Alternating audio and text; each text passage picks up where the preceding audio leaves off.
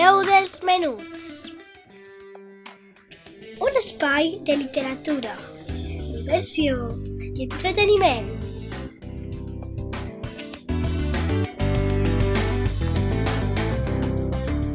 Amb Laia Esteve.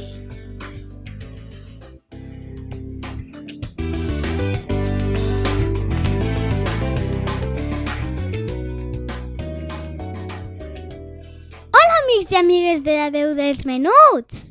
Un dia més torne a acompanyar-vos per explicar-vos alguns assumptes interessants, curiosos o actuals que desperten la meva curiositat.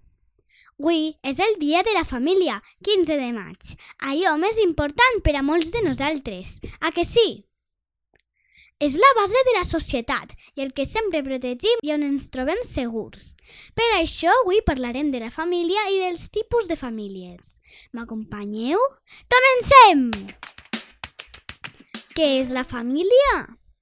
Tots sabem que és un grup de persones que estan unides per parentesc, és a dir, que tenen vincles que poden ser consanguinis, per naixement o per un vincle legal o social, com per exemple un matrimoni o una adopció.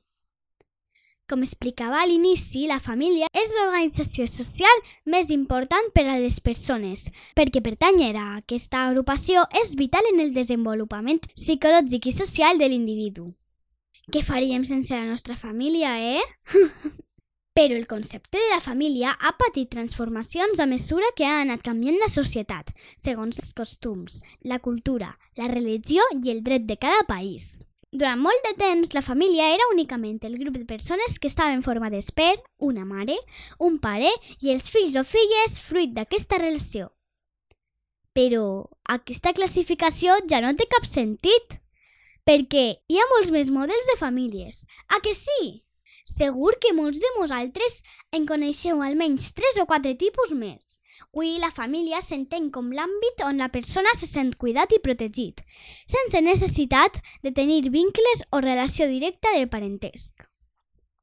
A més a més, la relació de parentesc té diversos nivells i no totes les persones d'una mateixa família són tan properes. Per exemple, el nucli familiar està format per una parella i els fills, mentre que la família més extensa també inclou els iaios, els oncles, cosins...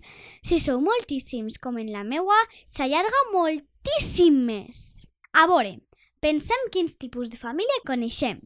Les famílies monoparentals són les que tenen un o més fills però una mare o un pare.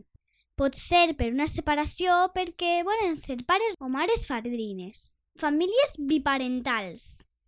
Les formades per una parella i els seus fills.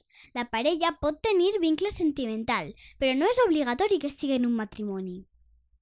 A més a més, poden ser heteroparentals, parelles de distint sexe i els seus fills, o homoparentals, parelles del mateix sexe i els fills. Famílies enllaçades. Les famílies formades per dues persones que s'uneixen i ja tenen fills d'abans, d'una altra relació. Les famílies d'aquest tipus són dues famílies monoparentals que s'uneixen i formen una nova família. I per finalitzar, la família d'acollida. Estan formades per menors que no són fills dels adults, però els acullen legalment de manera temporal o de vegades permanent. Molts experts creuen que l'entorn familiar influeix molt en el desenvolupament emocional i social de les persones i pot motivar o condicionar-nos positivament o negativament. Jo crec que el dret a tenir família és un dels més importants de la humanitat i fonamental. La família és considerada l'element natural, universal i fonamental de la societat, on l'individu estableix els seus primers contactes socials i culturals, on aprenem a caminar, a parlar, a relacionar-nos i moltes coses més, on ens transmeten estima, comprensió, respecte, tolerància, justícia, honestitat, valors, en definitiva, allò més important per a la vida, no ho penseu?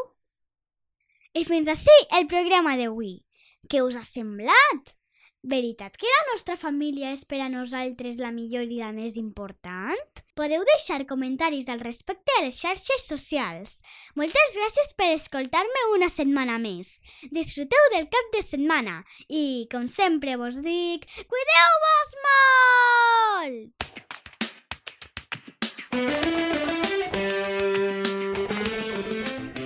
Els Menuts. Un espai de literatura, diversió i entreteniment.